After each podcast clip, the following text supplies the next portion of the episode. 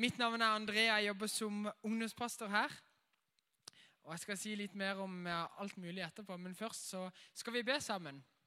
Vær med meg når jeg ber. Jesus, vi eh, er her fordi at vi ønsker å søke deg. Vi trenger mer av det. Vi ønsker å forstå mer hvem du er, Jesus. Vi ønsker å erfare mer, kjenne mer. Og Jeg ber om Jesus at eh, du må være nær nå. Jeg ber om at du Hellige Ånd, du må tale til våre hjerter, sånn at eh, vi kan forstå det. Touch borti det som eh, vi trenger i våre liv, Jesus. Du kjenner alle oss. Og Jeg bare ber nå, Jesus, om at dette må være en stund hvor vi kan fortsette å ha blikket på deg hvor du kan tale til oss alle sammen, Jesus. Jeg ber om det. Jeg ber om at uh, dette skal være en kveld som har betydning for evigheten. Amen. Jeg vet ikke hva du tenkte før du kom her i dag. Om du tenkte at uh, ja, ja, nå skal vi på Connect igjen, eller om du tenkte at uh, nå får vi kommet oss gjennom det der møtet, eller Jeg vet ikke helt hva du tenkte. Men jeg hadde lyst til at du skal tenke og ha forventning til at dette kan være en kveld som kan bety noe helt sentralt for ditt liv. Kanskje dette er en kveld hvor livet ditt tar en helt annen retning, eller hvor du bare får med deg noe som forandrer det. Så jeg syns du skal være åpen for det og virkelig være på, altså. Som dere ser bak meg her, så er vi inne i den taleserien som heter 'Her er mitt liv, Gud'. Eh, forrige gang så snakka vi om hvordan Gud kan lede oss. Vi hører jo mye om det, men hvordan er det i praksis? Det snakka vi om sist. Vi snakka om at han leder ved sin fred, og at han gir oss drømmer og lengsler. Vi snakka om at eh, vi kan spørre han i valg, og at han legger til rette ting. I dag så skal vi eh, snakke om at Gud han starter noe nytt med deg. Du kan være starten på noe helt nytt. Martine sa så fint at eh, hver morgen vi våkner, så er det en ny sjanse til å leve med Jesus. Vi får hele tida en ny start og en ny start, og det handler om å si 'Her er mitt liv, Gud. Her er jeg'. Neste gang så skal vi snakke om hva når jeg velger feil, da? Kan jeg da si 'Her er mitt liv, Gud'? Når jeg har liksom gått på feil etter feil, tatt valg etter valg. For meg det er den også. Men nå Gud starter noe nytt med deg. Jeg vet ikke helt eh, hva du tenker når jeg sier det.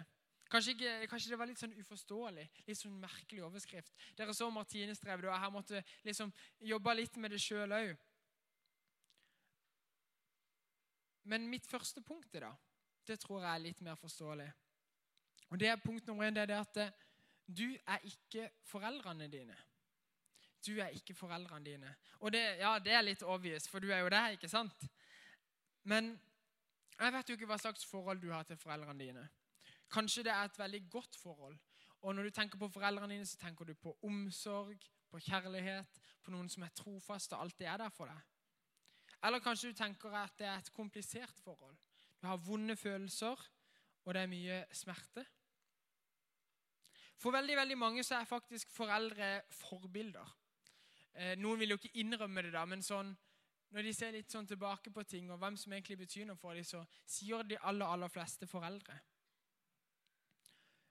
Og I Bibelen så er jo det ganske bibelsk, for det står at i budene at du skal hedre mor og far. Og det er veldig bra. Og det er kjempebra å ha foreldre som forbilde. Men jeg har lyst til å si det at vi skal ikke ha våre foreldre som forbilde på alt. Vi skal ha våre foreldre som forbilde på det som er bra med dem. Det er en undersøkelse fra USA eh, som viste det at de aller, aller viktigste personene for unge mennesker sitt trosliv, som hadde på en måte gått igjennom ungdomsarbeid og vært med i kirke og sånn eh, Og når de da var unge voksne, så skulle de si hvem som hadde vært viktigst for å forme de sin tro. Og to, tre fjerdedeler de nevnte mor eller far. Mamma eller pappa. Ganske mange sa òg bestemor. Det var ikke så mange som sa ungdomspastor. Det var jo litt leit for min del. Men jeg, men jeg tror faktisk det er helt sant. Fordi at våre foreldre de er så viktige rollemodeller for oss. Eh, og jeg kjenner det igjen. Jeg tror faktisk, og det må vi være så ærlige med å si, at jeg tror det er lettere å være en kristen og være det gjennom et langt liv hvis du har noen du ser opp til, som er kristne. Jeg tror at de som har foreldre som er kristne, er heldige fordi at eh, de har noen som støtter dem mye i det. Og så sier jeg dette fordi at jeg ønsker at, eh, å si at du kan være starten. Du kan være starten på noe. Kanskje du kan være starten på en familie som følger Jesus. Kanskje på en hel slekt. Kanskje barnebarna dine liksom sier at en av de viktigste for min tro, det var min bestemor eller bestefar som er det. Det kan starte noe nytt med det. Du trenger ikke å gjøre sånn som foreldrene dine gjorde. Kanskje foreldrene dine tror. Kanskje de er kristne, kanskje de til og med går her i kirka. Kanskje likevel skal du ta noen annerledes valg enn det de gjorde. Vi skal snakke litt om en fyr fra Gammeltestamentet i Bibelen som heter Gideon. Og Gideon han er sånn tålelig kul, altså. Det står om han i Dommerboken, og det er den syvende boka i Bibelen. Så dette er altså veldig, veldig lenge siden. I kapittel 6 og 8 i dommerboka for du som følger med i Bibelen din. Det var én person der, altså. Um, Gideon han var en sånn ung mann. Og Gideon han var ikke en som virkelig sånn sto fram og var en helt. og på en måte Alle så opp til han. Han var egentlig en som eh, Jeg måtte google litt hva det var for noe. For det sto at han eh, på en måte jobba med korn. da.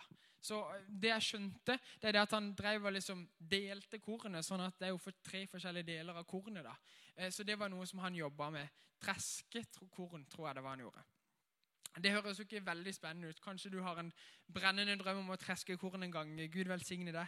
Um, men det er iallfall ikke min drøm.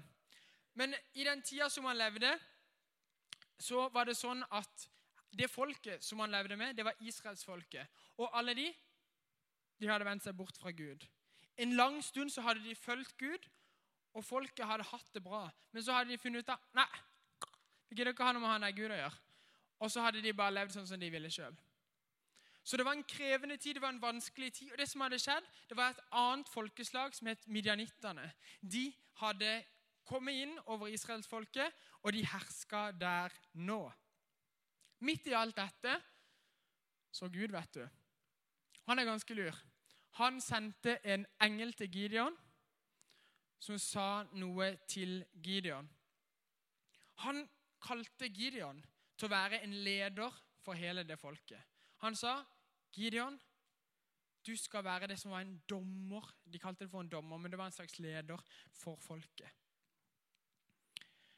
Og når han sier det, så svarer Gideon tilbake.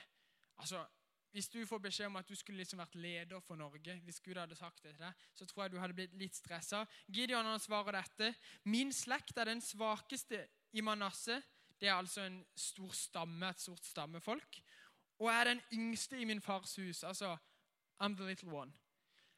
Og han hadde ikke så god selvtillit. Han tenkte nei, det er derfor noen andre tar seg av. Noen som er litt på en måte, litt bedre stilt. Noen som eh, i hvert fall kan være eldstesønnen i flokken, for det hadde veldig mye å si på den tida. Han var ikke så gira. Men så sier Gud gjennom denne engelen at 'jeg vil være med deg'. Jeg vil være med deg. Og Så kommer Gideon litt ned på glid bare. Ja, jeg skjønner at du sier det, men, men, hvordan kan jeg egentlig vite at eh, det er Gud som taler til meg her? Eh, jeg er litt usikker på det. Hva skal, hva skal jeg gjøre da? Og så eh, får Gideon beskjed om at han skal lage et måltid.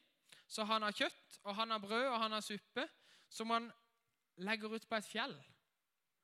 Og hvis Gud nå Det var Gud som snakka, så skulle han få det til å forsvinne. Og hold dere fast.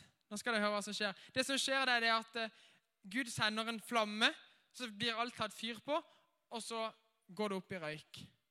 Det, hvis, du, eh, hvis, du, ønsker å bli ledet av Gud og får liksom et sånt tegn, da bør du gå på det han sier. altså.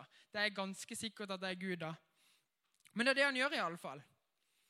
Um, han bestemmer seg for at jeg skal være en leder for dette folket. Men ikke nok med det. Han sier, 'Fred være med deg, ikke frykt'. Og så kjenner Gideon Ja, ok, deilig. Så bygger han et alter. Eh, det er ikke mange av dere som har vært med på det. Men de bygde alteret eh, av stein som på en måte sånn til ære for Gud. da. Fordi at de hadde opplevd og erfart noe med Gud. Og dette alteret det kalte Gideon for 'Gud er fred'. For han hadde opplevd at Gud var så nær. Men så sier Gud en ting til han. Han sier, 'Nå skal du gå, og så skal du' skal jeg si akkurat hva han sa for noe her. Riv ned din fars balalter. Det var altså et sånn et alter som eh, faren til Gideon hadde bygd for en sånn avgud, en sånn liksom-gud, som han ba til. Og så sa han òg det andre Hugg ned Ashera-stolpen som står ved siden av. Det var altså to ting som ble brukt til å tilbe en sånn tøysegud. En gud som egentlig ikke fantes, men som de vente seg til når de ikke visste hva de skulle gjøre, eller når de ga opp på Gud, den ekte Gud. ikke sant? Så sier han til Gideon jeg vet at din far han holder på med de greiene, men ditt første oppdrag som en leder det er å fjerne dette. For det var mange som bare tilba disse liksom-gudene, men Gideon skulle samle disse til å tro på Gud. Og jeg vet ikke med deg, men hvis det var en, altså Foreldrene våre Vi har ganske respekt for dem. De må liksom få lov å gjøre sånn som de vil. Men Gideon han tok et oppgjør med dette, og så gjorde han faktisk det. Han reiv ned det alteret, og han reiv ned den stolpen. Og så gjorde Gud noe helt nytt i, den, i det landet der med det folket. Det som skjedde, var det at fra å være okkupert, erobra, så klarte de å få bort det folket. Og han fikk store deler av folket til å komme tilbake til Gud. Og han var en stor, stor leder. Men det han måtte gjøre, han måtte rive bort noe av det som foreldrene eller faren hans sin hadde lagt der. Og det er ganske vilt. Det er nemlig sånn at Vi trenger ikke å gjøre akkurat som våre foreldre. Og Foreldre er med å definere mye, og familie er med å definere mye. Kanskje du har tenkt noen av disse tankene. At vi er ikke en familie som tror på Gud. Eller hos oss er det ikke vanlig å gå i kirka. Kanskje du har tenkt det? Eller kanskje du har tenkt noen andre ting fordi at foreldrene dine tenker sånn, og da må jo du også tenke sånn.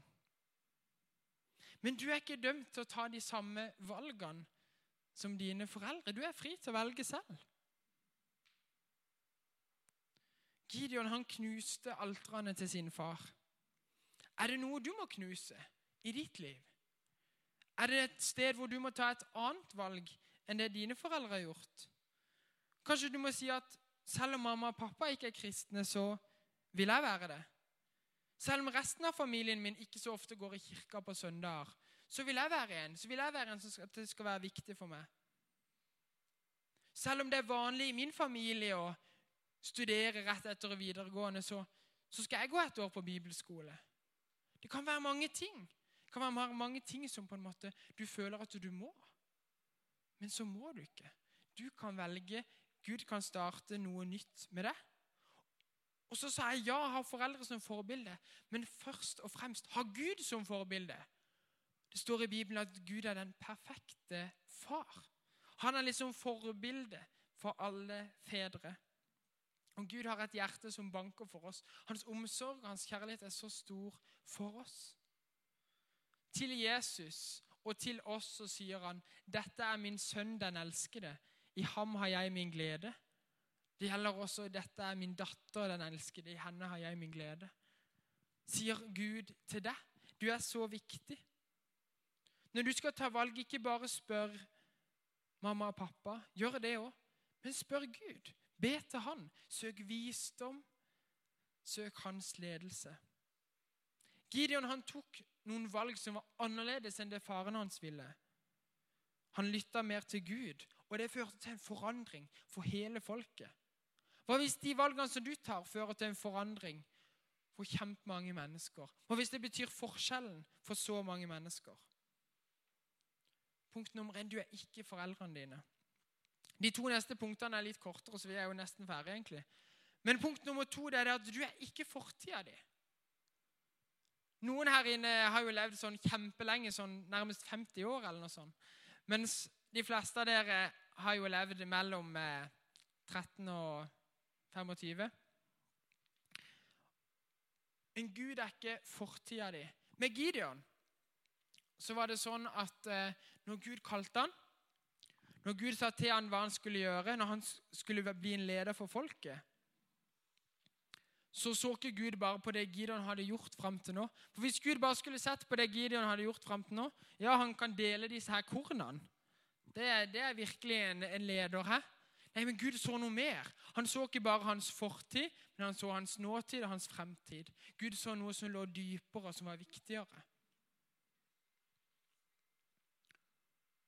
Og så sier Gud til Gideon, når han peker på han og sier at han skal være leder, så sier han, 'Gideon, du djerve kriger', sier han. Det betyr altså du modige kriger. Og På det tidspunktet der så var ikke Gideon noen kriger. Og han var ikke modig heller. Han satt jo og delte det der kornet.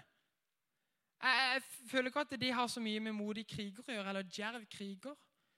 Men Gud så hva som var i han, og Gud så hans fremtid, og Gud sa noe annet til han.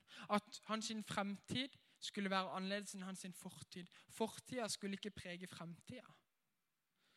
Hvis vi går eh, mange hundre år fremover i tid, til Jesus sin tid, så var det en som het Simon. Simon Peter, som var disippel av Jesus.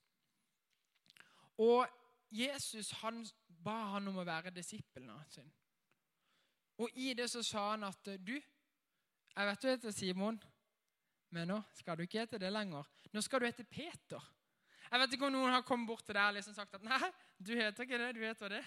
Eh, det var kanskje litt annen kultur for det på den tida, at en kunne bytte navn. Men Peter, det betyr altså klippen. En som står fast, en som du kan bygge noe på, en som på en måte virkelig kan bety noe. Men der og da så var Simon, som han heter, han var bare en fisker. Men Gud så at det lå noe der framover. Han så at han her, her han er faktisk veldig modig. Han her kommer til å tørre å gå på vannet. Han her kommer til å si ifra. Han her kommer til å forkynne. Han her kommer til å være en misjonær. Han her kommer til å bygge den kirka som vi her er en del av. Det så Jesus, og derfor så kalte han han for Klippen. Fordi at fortida var en annen enn fremtida. Og Gud har noe helt spesielt for det.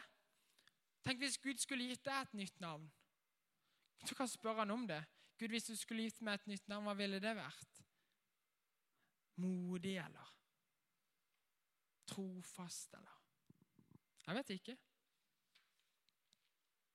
Men poenget er det at Gud han kan gjøre noe nytt i livet ditt. Hvis du tenker at livet til nå det har vært passe ok, men Gud han kan gjøre noe. Han kan endre det herfra. Herfra kan noe nytt starte.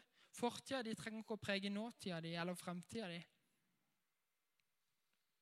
Siste punktet er det at eh, du er ikke de begrensa tankene som du har om deg selv. Fordi at jeg vet at jeg har noen tanker om meg selv, og jeg vet at du har noen tanker om deg. Veldig ofte så er det noen gode, men så er det mange som ikke er så gode. Jeg vet ikke hvor begrensende dine tanker er for deg, men det er veldig fort gjort. Vi sier 'ja, men jeg kan jo ikke'. Jeg får jo ikke det til. Og det var det samme med Gideon. Han unnskyldte seg og sa 'ja, men det er mange som kan gjøre det der greiene, men jeg kan ikke'. Jeg er jo med. Hallo. Og det ser vi gjennom hele Bibelen. Når Gud kaller noen til å gjøre noe, så sier de hvem er vel etter det? Jeg er helt ukvalifisert. Du må finne noen andre. Men så pekte Gud på Gideon, og så pekte Gud på meg, og så peker Gud på deg. Og så er det ikke hva vi er flinke til, som gjør oss kvalifisert, men det er Gud som gjør oss kvalifisert. I Bibelen i Filipperne 4,13 så står det 'alt makter jeg er Han som gjør meg sterk'. Du kan gjøre alt. Og så håper jeg at du skal huske det etter denne kvelden. At du er ikke dine foreldre.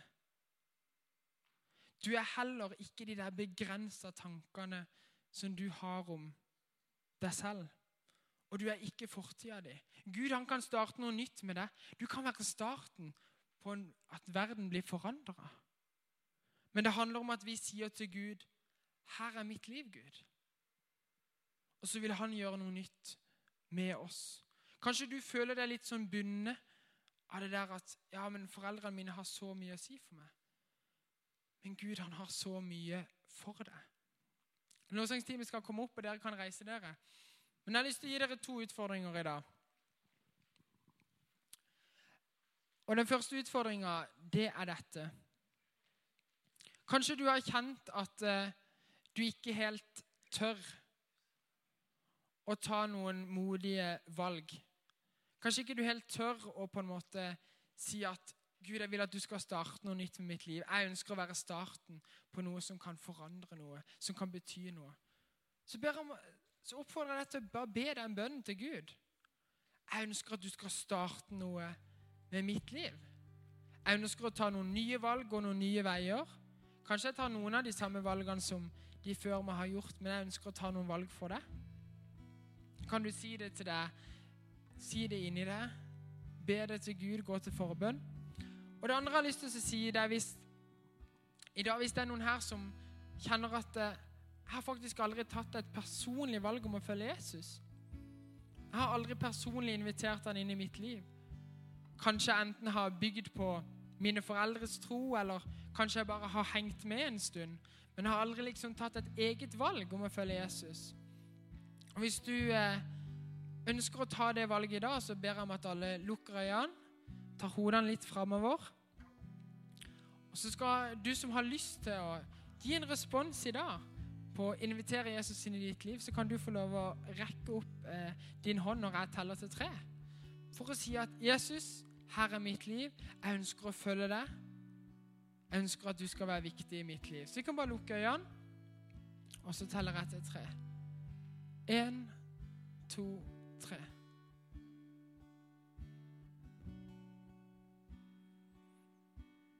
Dere kan ta hånda ned. Og det var flere som rakk opp sin hånd.